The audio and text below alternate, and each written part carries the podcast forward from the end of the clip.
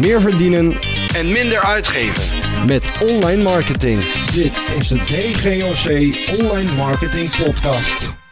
Hey, hallo allemaal en welkom bij weer een nieuwe aflevering van de DGOC Online Marketing Podcast. En vandaag staat e-mail marketing voor webwinkels centraal.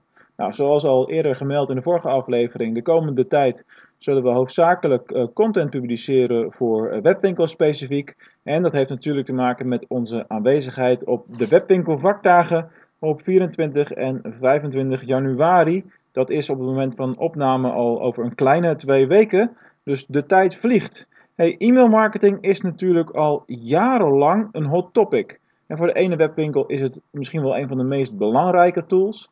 Uh, en haalt hij daar tot een derde van zijn omzet bijvoorbeeld uit. En voor de andere webwinkel-eigenaar is het een activiteit die er een beetje erbij hangt, om het zo maar te zeggen. Nou, waar ligt het nou aan? Hoe komt het dat die verschillen zo groot zijn? Nou, we gaan eerst even kijken naar de verschillende vraagstukken. Dus wat zijn nou de pijnpunten waar je tegenaan kan lopen bij e-mail marketing? Dus waarom is het voor de ene webwinkel onmisbaar en voor de andere webwinkel tegenovergestelde misbaar als, uh, als kiespijn? Nou, ik begin eventjes bij het, uh, bij het begin, bij wat in mijn optiek gelijk het grootste punt is. Um, is e-mail marketing uh, voor jouw webwinkel geschikt als tool voor herhalingsaankopen? Ik denk dat dat gelijk al de sleutel is. Ik heb de afgelopen jaren heel veel projecten en heel veel marketingactiviteiten mogen uitvoeren voor een breed scala aan, uh, aan webwinkels. En een van de dingen die naar voren kwam was eigenlijk altijd e-mail marketing is of fantastisch of het leverde bijna niks op.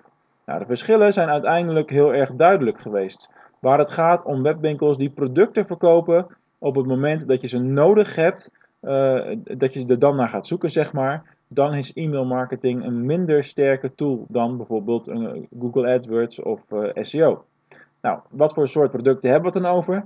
Denk aan auto-onderdelen.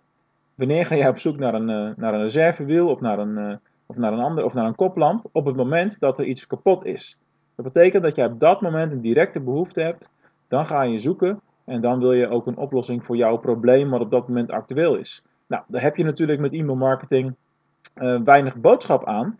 Want bij e-mail marketing ga je juist voor dat mensen die al op jouw lijst staan, al een keer eerder iets gekocht hebben, dat je die wil stimuleren tot een herhalingsaankoop.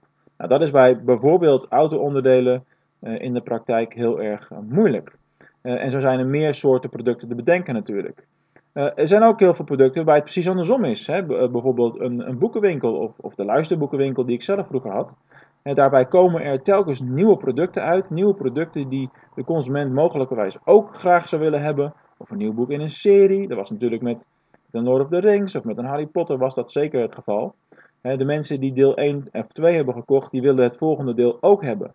Kortom, dan weet je wie is er geïnteresseerd in een bepaald onderwerp en dan stuur je een mailing of meerdere mailings op het juiste moment om de herhaalaankopen te realiseren. Nou, en dat geldt natuurlijk voor een heleboel soorten winkels. Denk aan uh, de kledingwinkels, schoenen, noem het allemaal op. Uh, in, in mindere mate ook elektronica winkels. Uh, nou ja, je kunt het zo gek niet bedenken natuurlijk, maar denk zelf maar eens na over waar jij wel eens vaker een aankoop doet. Bij welke webwinkels kom jij terug en bij welke webwinkels kom je alleen op het moment dat er een, een specifieke behoefte is. Nou, dan heb je natuurlijk ook nog de, de situatie van waarbij het er tussenin zit. Denk bijvoorbeeld aan uh, pizza-restaurants. Ik kan best mailings ontvangen van een, Domino's pizza of, een, van een Subway of wat dan ook. Um, niet dat Subway een pizza-restaurant is trouwens, maar dat terzijde. Uh, alleen dan zal ik die aanbieding wellicht bewaren voor het moment dat ik s'avonds of in het weekend denk van ik wil nu wat bestellen of wat dan ook. Dus dat is dan weer tijdsafhankelijk. Maar goed, herhalingsaankopen, of die er wel of niet in zitten, dat is direct een van de meest uh, grote en meest belangrijke factoren waarmee je te maken gaat krijgen. Nou, volgende factor waar ik het over wil hebben met jullie is hoe is de e-maillijst van je webwinkel opgebouwd? Um, ik kom nogal wat verschillende dingen tegen. Kijk, in het ideale scenario zie je dat de, dat de e-maillijst is opgebouwd uit mensen die allemaal een, een opt-in hebben gedaan en bewust hebben gekozen om uh, lid te zijn van de nieuwsbrief en of een aankopen bij die winkel hebben gedaan waardoor ze daarmee uh, op de lijst komen. Dat zijn de meest ideale situaties. Maar goed, in de praktijk zie je natuurlijk ook wel eens dat, het, uh, dat adressen ergens anders vandaan komen, of dat een bedrijfsovername is geweest en dat naamswijzigingen zijn geweest en dat consumenten geen idee hebben op welke lijst ze staan. En wat je dan ziet op het moment dat je gaat starten met, starten met mailen, is dat er heel veel verloop is, dat er veel, relatief veel klachten zullen zijn, uh, ja, en noem maar op. Dus de, de, de, manier waarop je webwinkel e-maillijst is opgebouwd is ook heel erg belangrijk. Hou het actueel en zorg ervoor dat je in die communicatie dat je ook in dialoog blijft. Nou, hoe vaak wordt er een e-mail verzonden? Deze, uh, deze is een beetje gekoppeld aan, de, aan het vorige puntje in feite. Want op het moment dat jij bijvoorbeeld elke dag 50 nieuwe klanten binnenkrijgt, en er zijn genoeg voorbeelden van webwinkels die, die dat krijgen natuurlijk, maar je stuurt er nooit een commerciële mail uit en je denkt na een jaar, hé, hey, weet je wat, we gaan eens wat met e-mail marketing doen, dan moet je niet gek opkijken als de mensen die langer dan een half jaar geleden op jouw lijst zijn gekomen, daar niks meer van weten.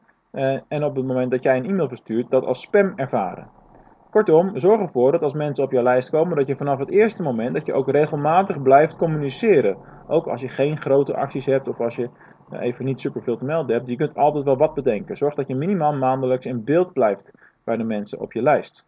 anders is de frisheid van je lijst is, snel verdwenen. Dus dat is ook een hele belangrijke als je met e-mail marketing aan de slag gaat. Nou, dan heb je het punt, uh, hoe komt de e-mail aan in de mailbox van de ontvanger? Nou, dit is iets wat je over het algemeen goed kunt oplossen door die, simpelweg de juiste software te kiezen. Er zijn genoeg e-mail marketing software partijen in de markt. dat loopt uiteen van een Mailchimp tot aan een Copernica, tot aan een Active Campaign en alles wat daartussenin zit. Um, maar ook in al die programma's heb je vaak specifieke dingen die je kan doen om ervoor te zorgen dat jouw e-mail in de inbox komt en niet in de map uh, reclame bijvoorbeeld. En dat kun je niet allemaal 100% sturen, dat weet ik ook wel. Uh, maar er zijn een aantal stappen die je kunt, uh, die je kunt ondernemen. En die zijn per pakket zit dat een beetje anders in elkaar. Maar het gaat altijd wel om dezelfde technische dingen. Zoals het toevoegen van een DKIM sleutel en een sender ID en dat soort zaken. Dus komt die goed aan in de mailbox van de ontvanger. Maar dat heeft ook te maken met hoe je mail zelf is opgebouwd. Dus een HTML-mail, klopt die technisch gezien? Zitten er geen gekke dingen in? Wordt er niet door spamfilters tegengehouden? Dat soort factoren heb je ook allemaal. persoonlijk werk ik nog steeds met platte tekst-e-mails. Het zijn wel HTML-e-mails qua opbouw, maar qua design is het gewoon een platte tekst-e-mail en er zitten dan wat linkjes in. En dat is ja, ideaal als je, met, als je niet in de spamboxen terecht wil komen, om het zo maar te zeggen. Hoewel dat bij webwinkels wat minder praktisch is om te gebruiken, want je hebt vaak gewoon producten die je wil laten zien en een bepaalde branding die je naar voren wil, laten komen. De content die wij zelf kunnen versturen is vaak wat meer persoonlijk gericht. Um, ja, is de inhoud van de mailing aantrekkelijk genoeg? Ook altijd een hele belangrijke vraag. Op het moment dat jij je mailinglijst elke maand ongeveer dezelfde boodschap stuurt, bijvoorbeeld ik heb wel eens een partij voorbij zien komen die deed elke maand dezelfde sale. Ja, na een half jaar vroeg hij zich af waarom er geen aankopen meer kwamen vanuit de e-mail. Nou die e-maillijst had natuurlijk dezelfde aanbieding al vaak genoeg gezien.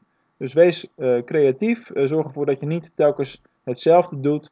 Ehm, ja, dus, dus hou je inhoud spannend. gaat ook niet alleen maar altijd over het mogelijk aankopen van dingen. Geef ook eens wat leuke dingen weg. er zijn genoeg opties om, om te bedenken. Een gratis download of een prijsvraag of ja, verzin het allemaal maar. Uh, en tot slot, uh, voor uh, deze podcast althans, wordt er persoonlijke inhoud in de menings meegenomen?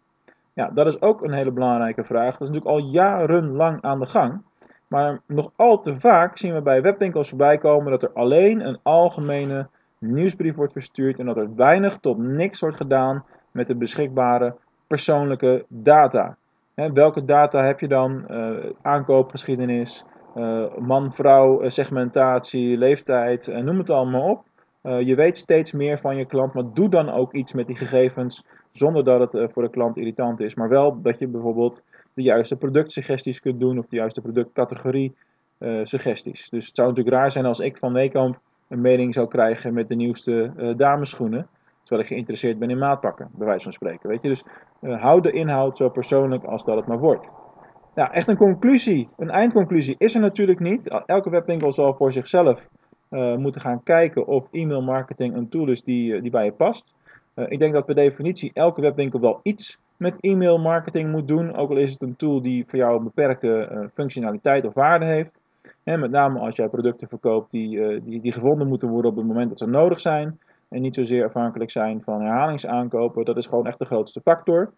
Um, Maar je moet toch wel altijd het minimale daarin dan doen om de klant contact te houden en ervoor te zorgen dat je in beeld blijft als merk bij je eindconsument.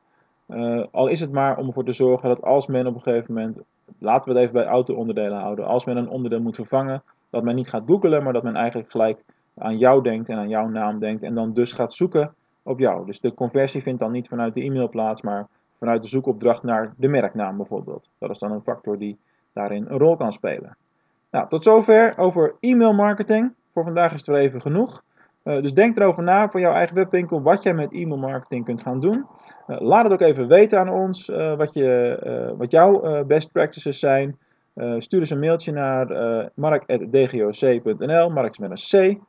voor de mensen die dat met elkaar schrijven, die mails komen niet direct bij mij aan. Dus het kan zijn dat die in een algemene mailbox komen, dat ik die na een week of wat pas een keer te zien krijg. Loop ook zeker even langs tijdens de webwinkel vakdagen uh, op 24 en 25 januari. Uh, en ga dan met mij in gesprek over uh, online marketing op commissiebasis. Dit is iets wat we nu al een paar jaar doen voor webwinkels. Dus een dienstverlening die we echt exclusief voor webwinkels hebben. voor dienstverleners werkt dat op die manier niet. Daar werken we met pakketten en pakketprijzen. maar voor, voor webwinkels werken we ook op omzetcommissie gebaseerde trajecten. Dus ga dat gesprek met ons aan en kijk even naar welke mogelijkheden we daar in 2018 voor hebben. Tot zover, tot de volgende keer.